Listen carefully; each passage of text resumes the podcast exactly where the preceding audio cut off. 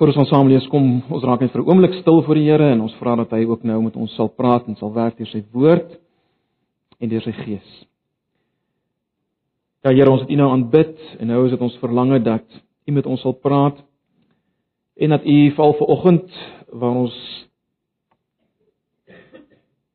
in hierdie oggend formeel Hendrikus en Lana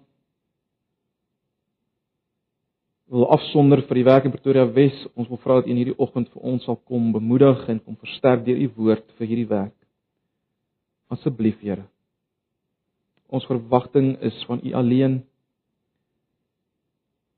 Kom en kom werk in ons midde. Asseblief. Ons vra dit in Jesus se naam. Amen. Ons is hier om nou vir Lana en Hendrikus as te ware te stuur, amptelik te stuur as jy wil na Pretoria Wes en uh, ek wil net ons met vanoggend kyk na 'n gedeelte in Konings, 1 Konings 17. Wens ons kon die hele 1 Konings 17 tot 1 Konings 19 lees, maar ongelukkig kan ons nie so. Ek gaan maar net die eerste 9 verse vir ons voorhou. 1 Konings 17. Elia die Tisbiet was 'n bywoner uit Gilead. Hy het vir Agab gesê: "So seker as die Here leef, die God van Israel, in wie se diens ek staan, daar sal volgens uh, daar sal die volgende paar jaar geen dou of reën val nie behalwe as ek so sê." Die woord van die Here het tot Elia gekom en gesê: "Gaan hiervandaan af ooswaarts en gaan versteek jou in Kritspruit ander kan die Jordaan. Jy kan water uit die spruit drink en ek het die kraaie beveel om daar vir jou te sorg." Hy het gedoen soos die Here aan hom opgedra het. Hy het daar in die Kritspruit gaan bly ander kan die Jordaan. Die kraaie het vir hom soggens brood en vleis gebring en hulle het vir hom saans brood uh Ekskuus, hulle het saans brood en vleis gebring en hy het water uit die spruit gedrink. Uiteindelik het die spruit opgedroog omdat die land nie reën gekry het nie. Toe die woord van die Here weer tot Elia gekom en gesê: "Gaan na Sarfat toe by Sidon en gaan bly daar. Ek het 'n weduwee daar opdrag gegee om vir jou te sorg." En dan uh ek gaan nou nie alles lees wat op Sarfat gebeur het nie, maar as hy daar kom, miskien kos net vers 10 ook lees. Hy gaan toe Sarfat toe en toe hy by die poort in die stad kom, was daar 'n weduwee net besig om houtjies op te tel. Uh hy vra haar toe: "Geef my asseblief 'n bekertjie water om te drink."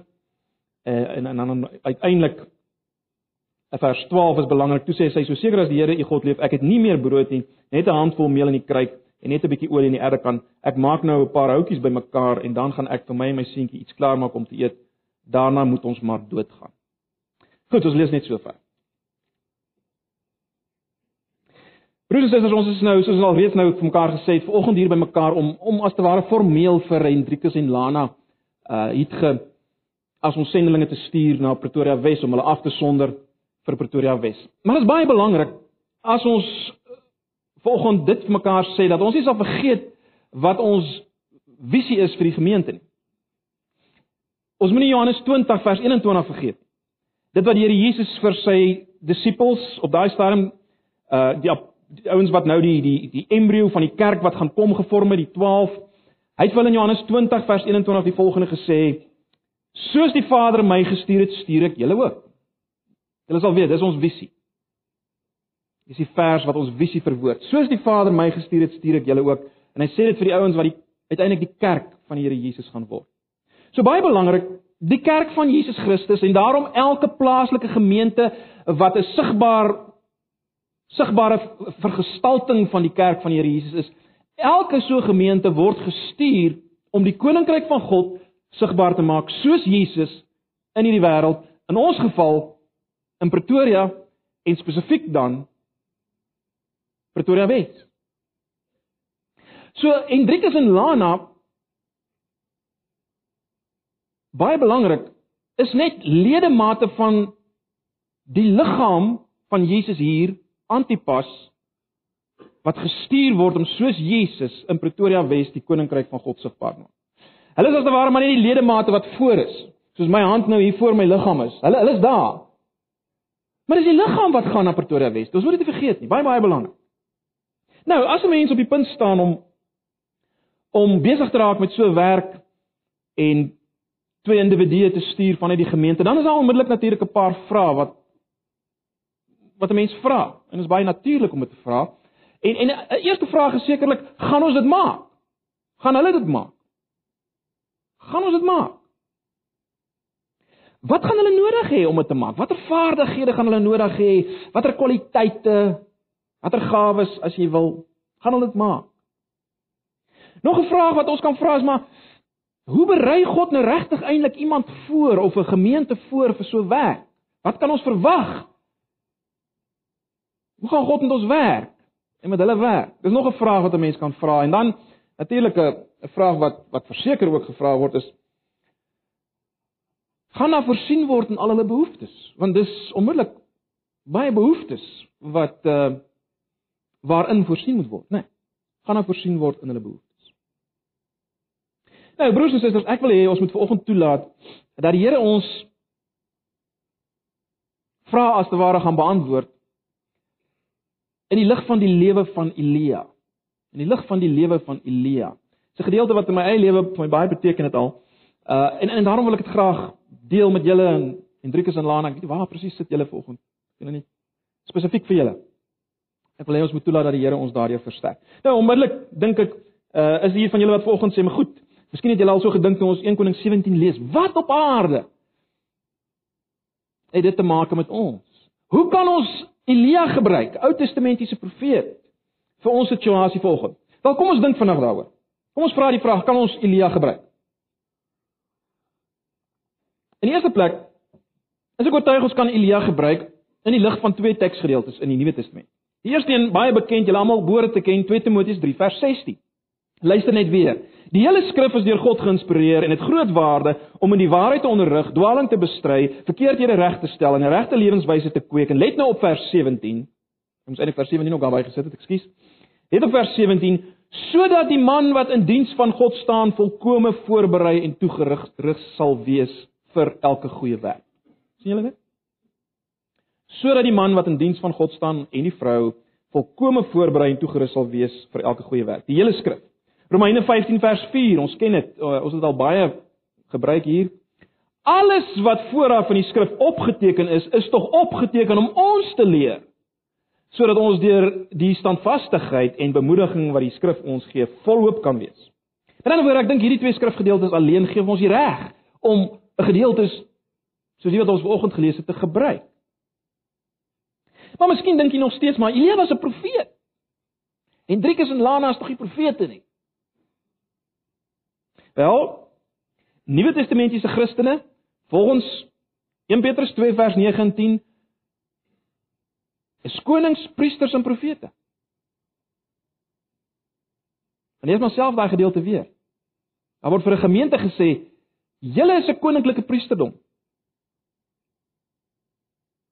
En dan gaan dit verder en sê julle is geroep om te verkondig. Dis die profetiese ampt. Geroep om te verkondig. So Nuwe Testamentiese mense, Christene is ook profete.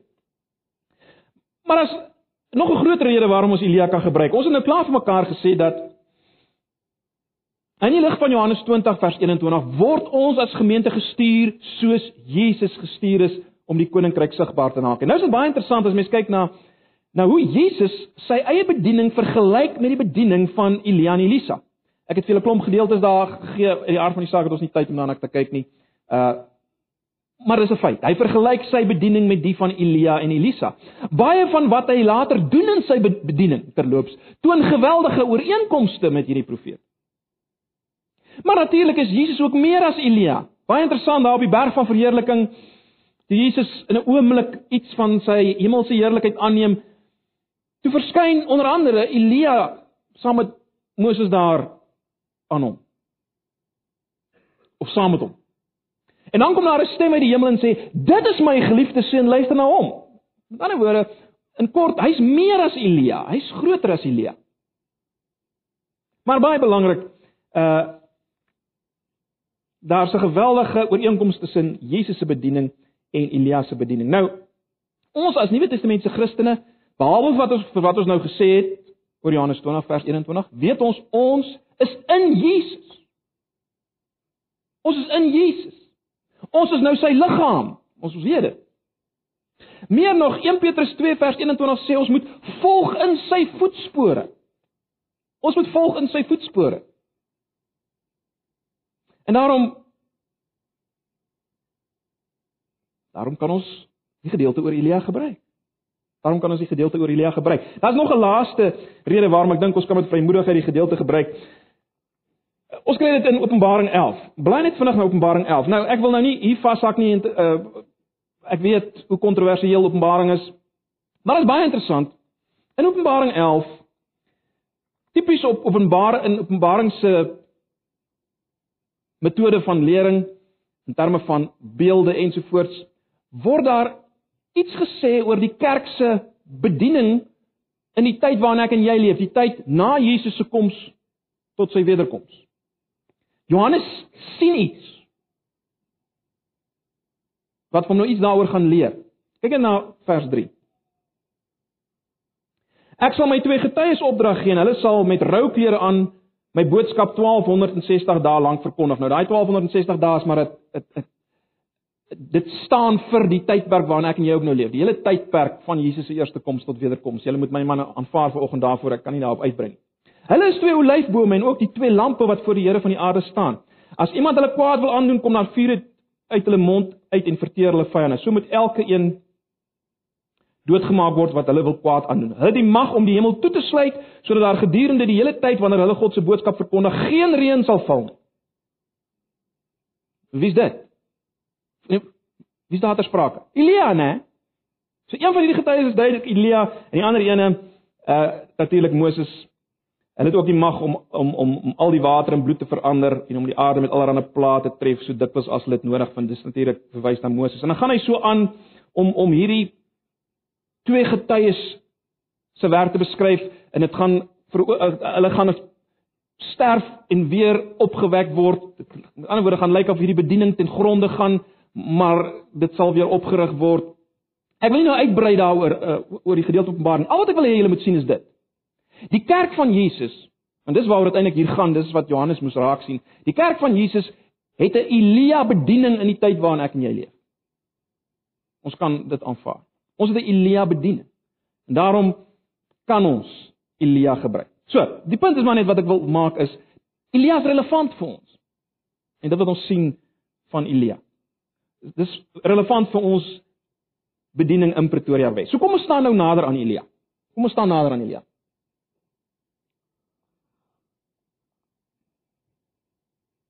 Kom ons staan nader aan Elia. Hoe lyk die tyd waarin Elia optree? Hoe lyk die tyd waarin Elia optree? Dis belangrik nogal. Uh en ek vertrou die Here gaan ons hierdeur bemoedig. Elia, ons het nou hoofstuk 17 gelees. Hy bars as te ware hier op die toneel in vers 1 van hoofstuk 17. Hy bars op die verhoog as jy wil. Maar die dekor waarteen of waaragter wat agter Elias as jy so wil, waarteen hy optree as jy wil, uh die dekor is een van die donkerste in die geskiedenis van Israel, God se volk. Omtrent 58 jaar verloop vanaf die ryk in twee geskeur het na Salomo se dood. Sewe konings het in hierdie tyd geheers oor Israel en een was goddeloser as die ander een. Goddelose manne. Van die heel eerste een Jerobeam lees ons die volgende in 1 Konings 12 vers 28 tot 30. 1 Konings 12 vers 28 tot 30. Luister net hierna. Daarom het die koning raad gehou en twee goue kalwers gemaak en aan hulle gesê: "Julle het lank genoeg opgegaan na Jerusalem. Hier is o Israel, jou gode wat uit jou uit Egipte land laat optrek het." en hy het die een in Bethel opgerig en die ander een in Dan. En hierdie saak het tot sonde geword. Ja, die volk het vir die een gaan aanbid tot by Dan. Dan hoor jy die eerste koning al het gesê wel God moet aanbid word deur goue kalwers. Kan jy dit glo? God moet aanbid word deur goue kalwers. Gaan lees maar self eh, die konings wat hulle opvolg. Die een is erger as die ander een en uiteindelik raak die toestand natuurlik chaoties as Agab aan bewind kom, né? Nee, as Agab aan bewind kom en hy trou met die heidense prinses Isebel. Julle julle ken daai verhaal. En dan word daar 'n tempel vir Baal opgerig in Samaria en uiteindelik neem die priesters van Baal totaal beheer oor oor die godsdiens van Israel. Die priesters van Baal is in volle beheer. Kan julle dit glo van Israel se godsdiens? Die priesters van Baal. Ons lees in 1 Konings 16 vers 23 ook het Agab die heilige boomstam gemaak en Agab het nog meer gedoen om die Here die God van Israel te terg as al die koning uh, konings van Israel sy voorgangers. Dit was die toppunt of amper die toppunt. Ek dink die toppunt van verval het plaasgevind toe Jerigo herbou is. Miskien sê hulle dink, maar hoekom so?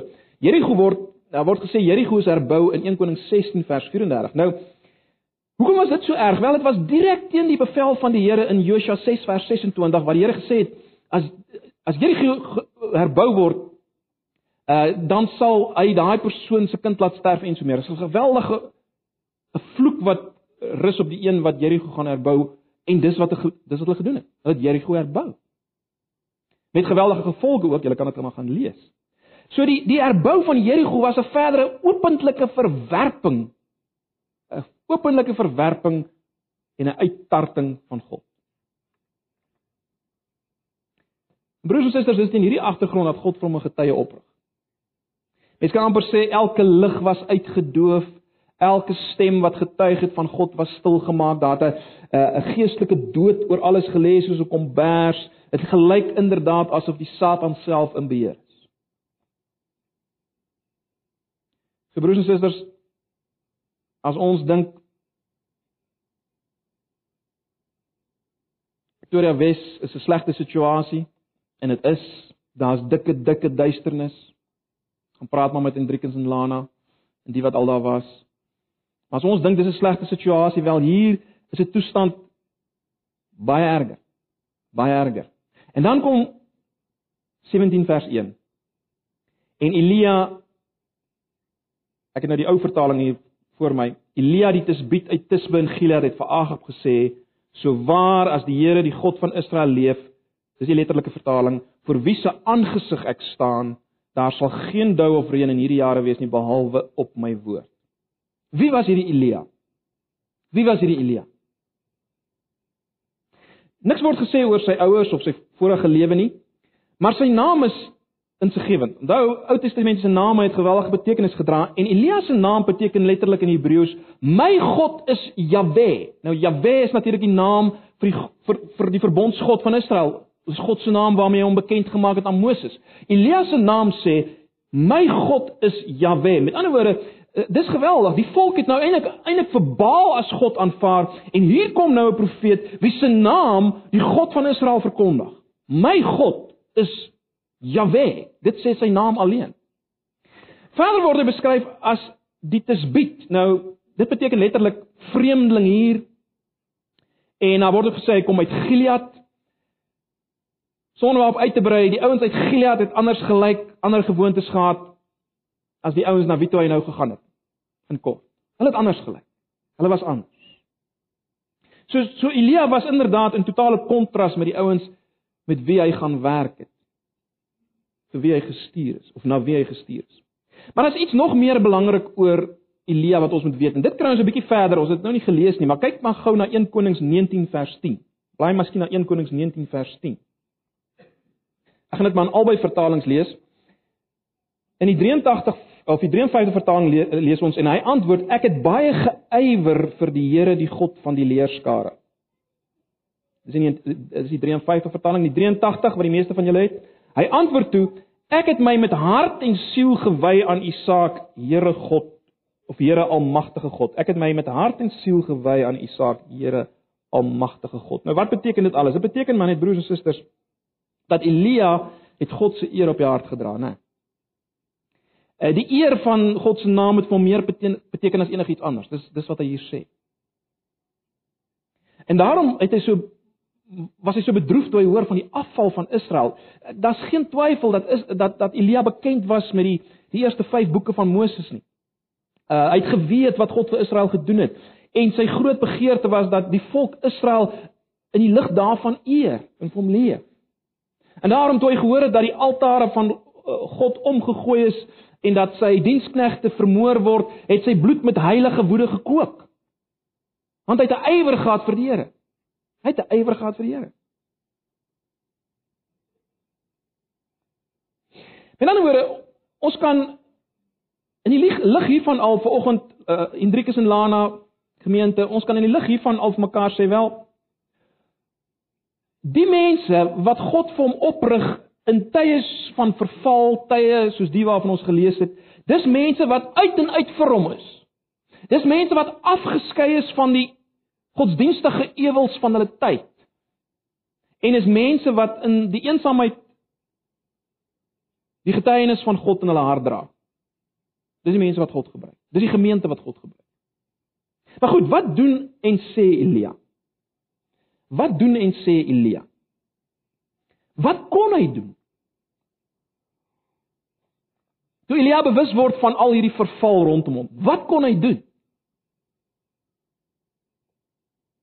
Kom ons dink daaroor. Het Elia besluit dat wel kyk hierdie Jahwe geloof het bietjie te tradisie vas geword. Miskien moet ons 'n paar lekker lewendige Jahwe sangfeeste hou om hele ding bietjie net bietjie meer lewe te gee want kyk die Baal aanbidding was lewendig hoor. Hulle het lekker feeste gehad. Dit het lekker gegaan met die Baal aanbidding. Was baie lekker feeste. Rof gegaan. So het jy uit Elia besluit, kyk ons moet net hierdie Jahwe geloof ook 'n bietjie lewe gee. Kom ons hou 'n paar Jahwe sangfeeste. Nee. Hy het besef hy as ongekultiveerde man van die woestyn kan niks doen nie. Hy kan niks doen nie. En verseker het die Satan ook nog in sy oor gefluister, jy kan niks doen nie. Maar broers en susters, daar was een ding wat hy wel kon doen. Hy kon bid. Hy kon bid. En dis wat hy gedoen het. Ons lees dit in Jakobus 5 vers 17, né? Ons moet in die Nuwe Testament kyk om dit te sien. Julle ken Jakobus 5 vers 17. Luister. Jakobus 5 vers 17. Elia, Lana en Hendrikus, Antipas. Elia was 'n mens net soos ons. En hy het ernstig gebid dat dit nie moes reën nie en dit het op die aarde 3 jaar en 6 maande lank nie gereën nie. Hoekom bid Elia? Hoekom bid hy? Wel, hy het gebid omdat hy oortuig was dat die Here God leef en dat hy heers en regeer oor alles. Hy was oortuig daarvan. Hy het gebid omdat hy weet by die Here is niks onmoontlik nie. Hy was oortuig daarvan. En hy het gebid, soos ons reeds gesê het, omdat hy geweet het hy is magteloos om enigiets te doen om hierdie verval te keer. Hy kan niks doen nie. En daarom draai hy na die Here wat geklee is in alle mag. Maar baie belangrik vir gebed om effektief te wees, om kragtig te wees, moet dit gegrond wees in die woord van God. En nou is dit interessant broers en susters, dit lyk vir my asof daar een spesifieke gedeelte in die skrif was wat as te ware voor Elia was toe hy gebid het. Daar was een gedeelte wat spesifiek vir hom was en dis Deuteronomium 11 vers 16 en 17. Deuteronomium 11 vers 16 en 17. Kom ek lees dit vir julle.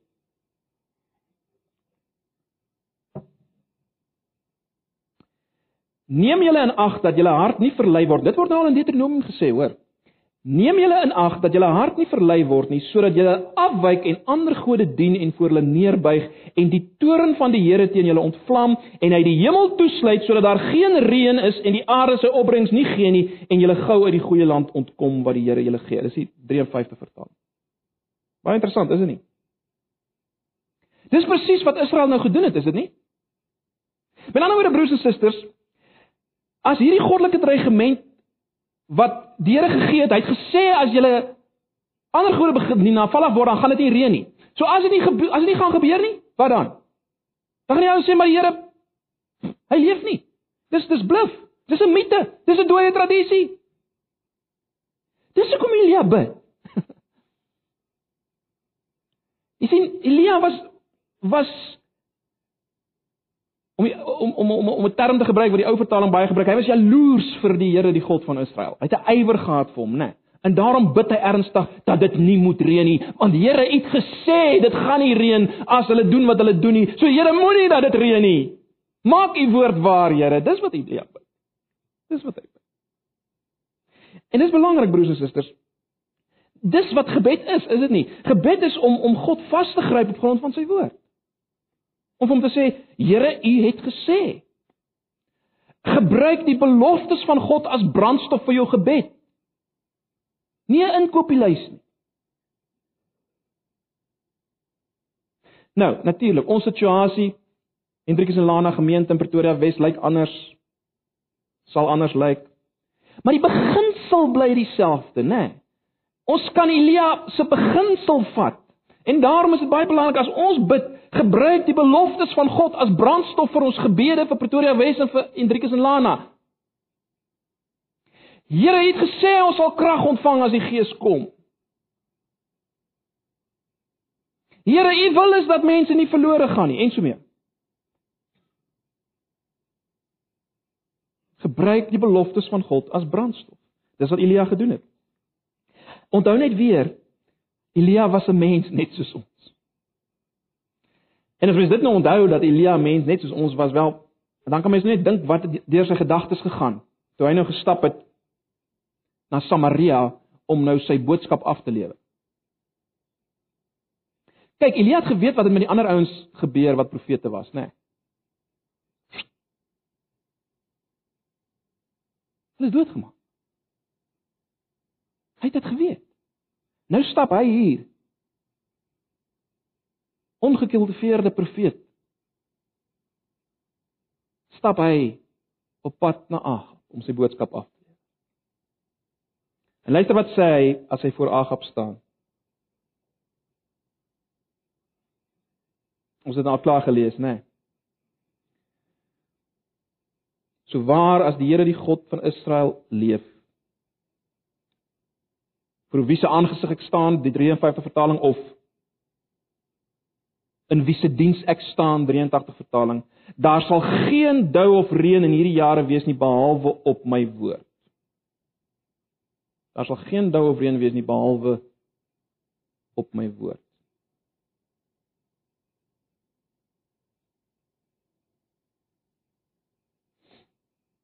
Kom ons kyk 'n bietjie na wat sê Elia alles hier. In die eerste plek praat hy van hy sê hy noem die Here die God van Israel. En dit is belangrik om dit raak te sien. Met ander woorde, Elia maak dit baie duidelik, kyk, God is nie 'n veraf idee nie, hy is die God van Israel. Hy staan in 'n verhouding met 'n volk, hy is die verbondsgod. En dan gaan hy verder en hy sê hy leef. So waar is die Here die God van Israel leef? sien julle dit? Jy sien hierdie feit is bevraagteken deur Israel. Die, die feit is bevraagteken of God leef. Die idee het al meer ontstaan dat omdat Jahwe nie gesien kan word nie, wel bestaan hy ook nie. Terwyl Baal aan die ander kant so het hulle geglo, wel hy's sigbaar, né? Nee, daar's 'n lekker goetjie. Daar staan hy, daar's Baal. En en en hy gee reën en vrugbaarheid en al hierdie goeters. Maar die Here leef waarskynlik nie. Nou kom Elia en hy laat vir Agab verstaan, kyk. Ek dien die een wat leef en hy gaan dit nou laat sigbaar word dat hy leef. En broers en susters, kyk, ek wonder of ons altyd besef wat hier gebeur het. Hy uh, Elia staan voor die heerser van Israel. Hierdie ou het alle uitvoerende mag. Hy kan sy vingers klap en Elia verloor sy kop, verseker. En wat sê Elia vir hom? Luister. Ek staan nie in jou diens nie. Ek staan in die Here, die God van Israel se diens, die een wat leef. Ek staan nie in jou diens nie. Ek's nie bang vir jou nie. Geen om wat jy maak nie. Ek staan in die Here se diens. Waarom sal ek jou vrees as ek staan voor die koning van die heelal, die God wat alle mag het? Hoekom sal ek vir jou bang wees? Agab. Ek staan voor die een wat vir jou kan vernietig met 'n oogknip.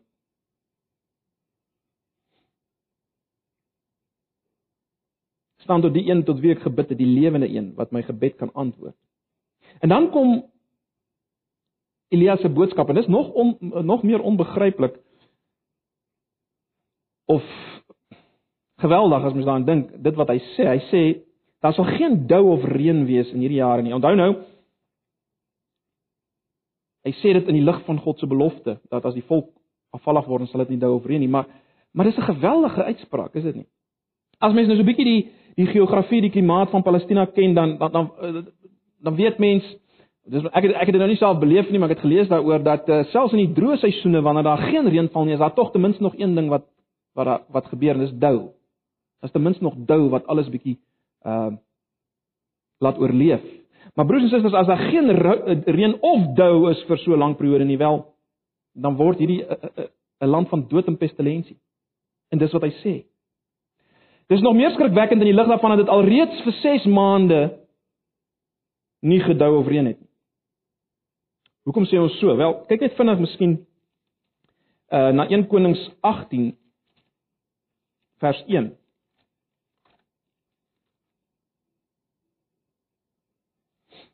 In 1 Konings 18 vers 1 lees ons die volgende: Na 'n lang tyd, dit was omtrent 3 jaar, het die woord van die Here tot Elia gekom en gesê: "Gaan na Agab toe, moenie langer van hom wegkruip nie. Ek wil dit weer in die land laat reën." OK, so 1 Konings 18 sê na 3 jaar het hy gegaan en hy moes sê dit gaan nou weer reën. Maar luister nou wat sê Jesus in Lukas 4 vers 25. Lukas 4 vers 25. Luister. Jesus sê, "Maar ek sê vir julle met waarheid, daar was baie weduwees in Israel in die dae van Elia toe die hemel toegesluit was 3 jaar en 6 maande lank. Toe daar groot hongersnood gekom het in die land." Wat van hierdie ekstra 6 maande waarvan Jesus praat? Wel, die enigste antwoord is broers en susters dat uh, dit alreeds toe Elia by Agab gekom het vir 6 maande lank nie gereën of gedou het. So die toestand was klaar haglik. En dan kom Elia en hy gee hierdie boodskap. Agab moes rassend van woede gewees het. Dit was klaar 6 maande nie gedou of reën nie nou kom hy en hy sê dit gaan dit gaan nie reën tot op sy woord nie. Weerens Elia was 'n mens net soos ons. Wat het dit alles met ons te maak? Net baie vinnig. Lana en Driekus gemeente wel.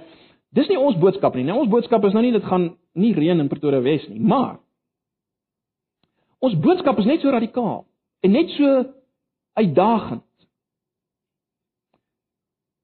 vir ongeredde mense, vir mense in die mag van die Satan.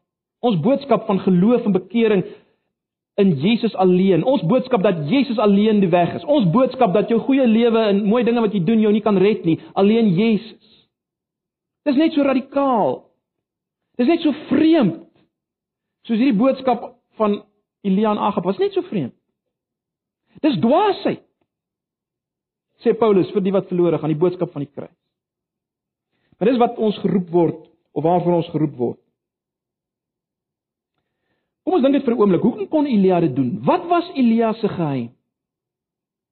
Wat was Elia se geheim? Kom ons dink dit vanaand nou. Wat was Elia se geheim? Wel, in die eerste plek het ons nou al gesien hy was 'n man van gebed. Ons het nou al daaroor gepraat. Elia was 'n man van gebed. Ons het mekaar gesê reeds 6 maande voor hy voor Agab verskyn het, het hy begin bid. Jy sien gebed in die geheim was die bron van sy krag in die openbaar. Gebed in die geheim was die bron van sy krag in die openbaar. Niemand het hom gesien nie, niemand het hom gehoor nie, niemand het geweet daarvan nie. Maar hy het voor God gebuig. Hy het nie gebuig voor 'n aardse koning nie. En weer eens, wat was sy gebed? Sy gebed was die afpleit van God se beloftes. Here, U het gesê. Maar in die tweede plek het Elia 'n kennis van God gehad, né? Nee, hy sê so waar as die Here die God van Israel leef. In ander woorde, die Here was vir hom 'n lewende realiteit. Die konsensus van die algemene publiek was dat Jahwe nie meer leef nie. Dit het op die oppervlak gelyk asof geen siel meer glo in die bestaan van Jahwe nie. Almal hardloop agter Baal aan. Elia is nie beweeg deur daardie opinie nie. Hy het geweet die Here leef. Meer nog, hy was bewus van die Here se teenwoordigheid. En ons sien dit as hy sê ek staan in sy diens of letterlik vir wie se aangesig ek staan. Dis die letterlike vertaling. Is interessant die die engel Gabriël uh, in Lukas 1 vers 19 gee dieselfde uitspraak. Hy sê hy praat van die Here hy hy staan voor die aangesig van die Here. Elia was bewus van die teenwoordigheid van die Here. En daarom het hy nie mense gevrees. Dan was hy nie bang vir mense nie. Skielik dit sê die die die vrees van die Here in die Bybel, die veral die ou vertaling net praat van die vrees van die Here. Die vrees van die Here is nie 'n 'n 'n 'n bang wees soos ons daarvan praat nie. Die vrees van die Here is 'n bewustheid, nê, 'n bewustheid dat jy leef voor die een wat alles sien en alles weet van jou. Jy's bewus. Ek leef vir hom elke oomblik. Hy weet alles wat ek dink en sê en nie sê nie. en ek moet aan hom rekenskap gee. Dis die vrees van die Here. En dit beteken verder dat ek absoluut absoluut lojaal is aan hom. Dat ek absoluut oortuig is hy's relevant vir elke aspek van my lewe. Hy's relevant vir elke aspek van my lewe. Dis wat is dis wat Elia geweet het. So Elia was 'n man van gebed. Hy het 'n kennis van God gehad. Die Here was vir hom 'n realiteit. Dis die fondasies waarop hy gestaan het.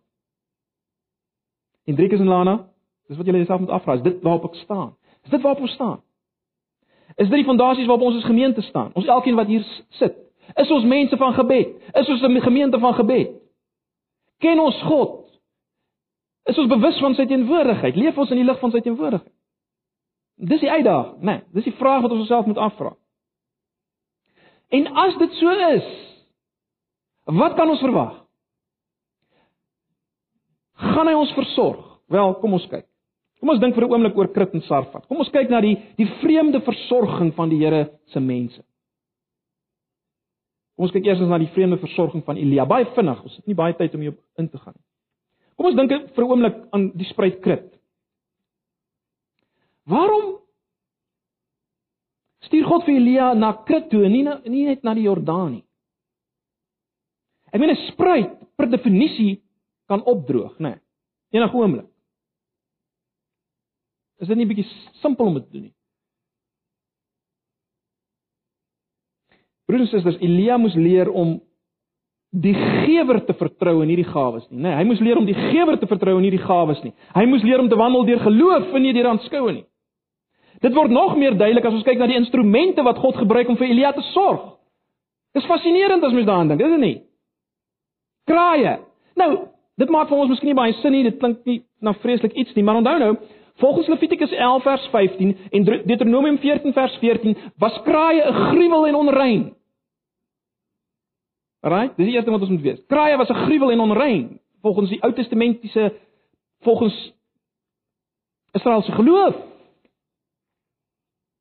En hier sien ons iets van die soewereiniteit van God en die wysheid van God. Hy gebruik hierdie onrein dinge volgens Elia om hom te sorg. En nog meer, Hierdie goed was aasdiere gewees. Kraaie is aasdiere in 'n tyd van droogte. Hy is afhanklik van aasdiere in 'n tyd van droogte om hom vleis te gee. Vleis van alle dinge vir 'n kraai as dit droog is.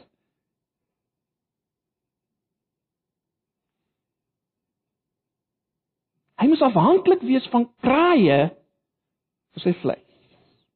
Onrein aasdiere in 'n tyd van droogte. Maar Elia doen soos die Here beveel het. Hy soek eers die koninkryk van God, soos Jesus baie laat uh, uh, jare later sê, soek Elia eers die koninkryk van God. Dis hoe die Here vir hom sorg. Vreemd, soewerein. Maar kyk wat gebeur, na verloop van tyd droog die spruit op. Het julle gesien? So spruite maar maak, dit droog op. Hoekom voorsien God nie water vir Elia op 'n bonatuurlike manier soos hy die vleis voorsien het deur die kraaie nie? Hoekom doen God dit? Weerens hy soewerein, ons weet nie. Hy handel nie volgens vasgestelde reëls nie. Ons kan nie sê, "Oké, okay, maar hy het op bonatuurlike wyse vir Elia vleis gegee, nou sal hy seker op bonatuurlike wyse vir hom water gee." Nee, nee, nee, nee, nee. Hy werk nie so. Ons kan hom nie in 'n blik druk. Die sprei droog op. Ons weet nie wou wou God gehad het Elia moes die ellende van die droogte aan sy lyf voel. Ehm um, was God se tyd net verby? Ons weet nie, die spruit het opgedroog. Punt. Die spruit het opgedroog. Wat sou deur Elias se gedagtes gegaan het? Wat moet ek doen? Moes ek bly? Moet ek bly? Moet ek vergaan? Moet ek maak dat ek wegkom? Het God my vergeet? Het ek verkeerd gehoor toe ek hiernatoe gekom het? Moes ek dalk nooit na die spruitkrit toe gekom het en kyk hy droog gaan op? Moes ek gekom het? Moes ek spruitkrit toe gaan? Alles dinge wat deur Elias se gedagtes gaan. So broers en susters, God uh toets Elia baie deeglik. Hy hy wil sien of Elia op die stroompie krit fokus en vertrou en of hy op hom vertrou en op hom fokus, né? Nee. Hy het seker gemaak, baie seker gemaak dat Elia nie meer vertroue plaas in die stroompie as in hom wat die fontein van lewende water is nie, né? Nee, dis hoe God homself noem in Jeremia 2 vers 13. Daardie ouens gebakte reënbakke vir hulle self uitgekap. God wil nie hê Elia moet dieselfde doen nie, né? Nee.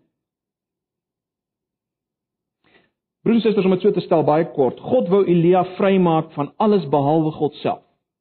God wil Elia vrymaak van alles behalwe God self. En dis hoe hy met ons ook werk. Hy, hy wil ons vrymaak van alles behalwe homself. Alles waarop ons kan vertrou, waarop ons kan fokus en vashou. Okay, ons het daarom 'n geldjie hier en 'n geldjie daar en uh, dit sal ons daarmee help om ons deur te bring en so aan. Hy wil ons losmaak daarvan. Hy wil ons net op hom vertrou. Hy is die enigste vaste punt. Baie vinnig Sarfat. Sarfat. Dit is baie insiggewend dat uh dat die plek Sarfat beteken letterlik loutering. Dit was inderdaad nie 'n gewone opdrag om na Sarfat te gaan nie. Uh van Krit na Sarfat was so 'n reis van 80 km per voet deur die warm woestyn, snikete woestyn, daar's geen dou eers nie. Daar's geen verligting nie, maar maar let op Sarfat was in Sidon. Nou Sidon was 'n heidense gebied, nê? Nee, ons ons uh, ons lees dit in Lukas 4 vers 25 en 26. Wat nog meer treffend is, Sidon was die geboorteplek van die Sebel. Sidon was die geboorteplek van die Sebel. Ooh, hoe kom ek nou so aan?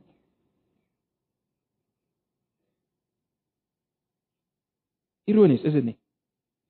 Elia moes gaan na die geboorteplek van die een wat die groot afval in Israel veroorsaak. Dit was dit is asof God wil wys ek sal my profeet daar wegsteek. Net waar Isebel vandaan kom. Amper soos hy vir Moses in die Nyl weggesteek het, een van die gode van Egipte, né? Amper dieselfde ding. Ek sal Elia daar wegsteek. En broers en susters, hier moes Elia leer om God te vertrou in die lig van nog hopeloser 'n nog hopeloser situasie. Ek meen as hy daar kom dan is daar 'n weduwee wat houtjies optel vir die laaste ete voor sy wil sterf. En Elia moet nou afhanklik wees van haar om vir hom te sorg. Hierdie vrou, 'n weduwee wat wil doodgaan, sy het net genoeg om vir haar laaste maaltyd te maak, maar maar maar dis die een van wie hy moet afhanklik wees om vir hom te sorg.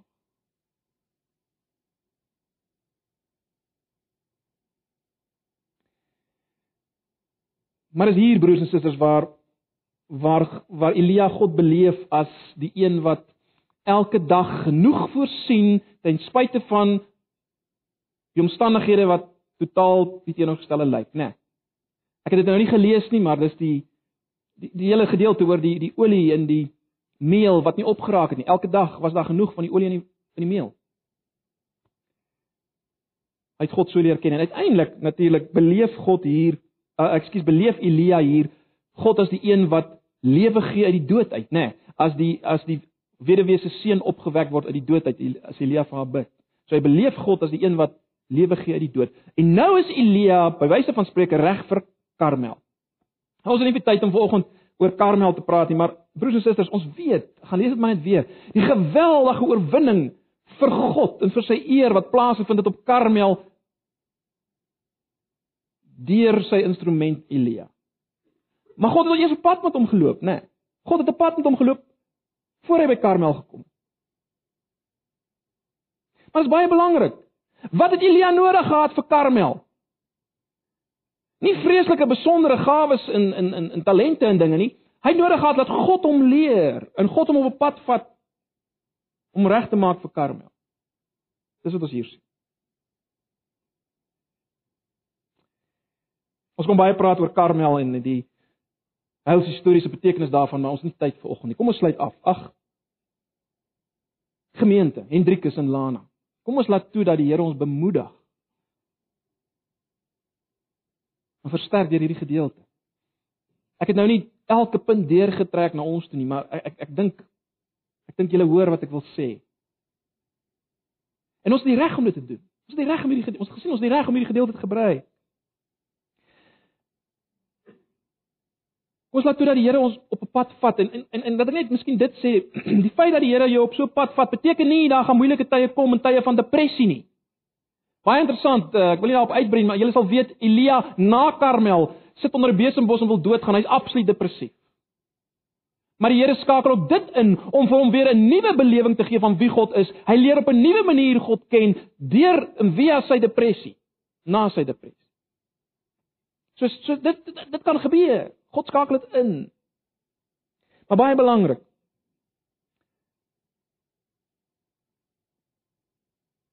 Kom ons gaan met 'n verwagting na Pretoria Wes. Dat ons God is dieselfde God as die God van Elia. Ag broers en susters, kom ons wees opgewonde. Uh opgewonde vir dit wat die Here wil doen deur ons as gemeente hoe hy vir La, uh, Ilan, uh, uh, vir Hendrikus en Lana wil gebruik. Kom ons gaan met vrymoedigheid. Ons gaan met vrymoedigheid want God leef, né? Nee. Ons kan 'n verhouding wees met ons God en hy leef. Ons kan weet ons boodskap is gegrond op die beloftes van God. Ons boodskap van die kruis, die evangelie, die krag van God. Dis ons boodskap. Ons gaan nie maar net in gaan doen ons eie ding in Pretoria Wes nie, gaan sê wat ons wil sê nie. Ons het 'n boodskap, die krag van God wat gegrond is op sy beloftes.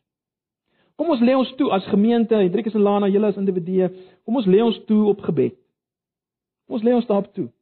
Kom ons lê ons toe beken van God. Kom ons raak bewus van sy teenwoordigheid in hierdie hele saak. Ons raak bewus, doelbewus bewus van sy teenwoordigheid.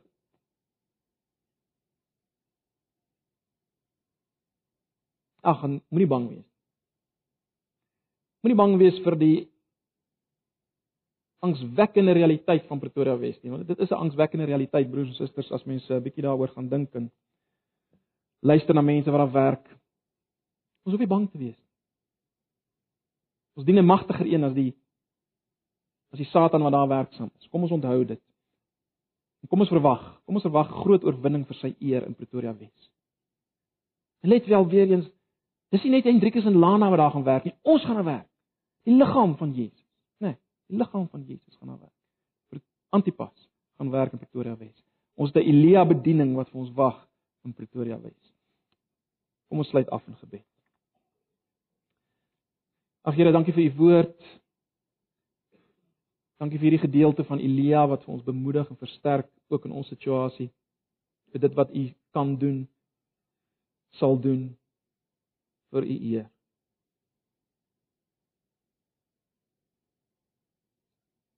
Ons dankie daarvoor. Ons wil vra dat u uself sal verheerlik in dit alles. Asseblief, ons vra dit in Jesus se naam. Amen.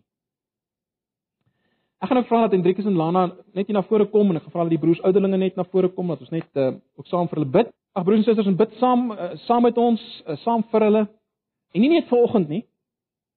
Ons doen nou vanoggend amptelik en formeel, maar kom ons gaan voort om hulle nie te vergeet in ons gebede. Elke Sondag is hulle werksaam daar en van nou af uh van volgende jaar af gaan hulle betrokke wees daar in die week um in die harde realiteit van Pretoria Wes.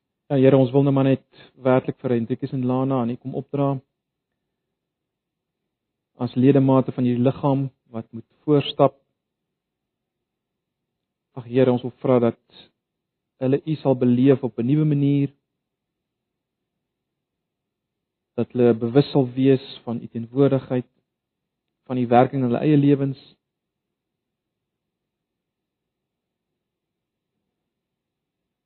maak hulle vreesloos vir u en vir die evangelie. Asseblief, bewaar hulle, bewaar hulle van die aanslag van die bose. Asseblief, hou hulle vas. Ons verwagting is van u vir groot dinge, Here, vir u eer, vir u koninkryk in Pretoria Wes. Mag nou die genade van ons Here Jesus en die liefde van God en die gemeenskap van sy Heilige Gees Jy's julle wees en bly in hierdie week. Hanna en Driekus veral met julle ook. En kom ons vertrou op die God van Elia. Amen.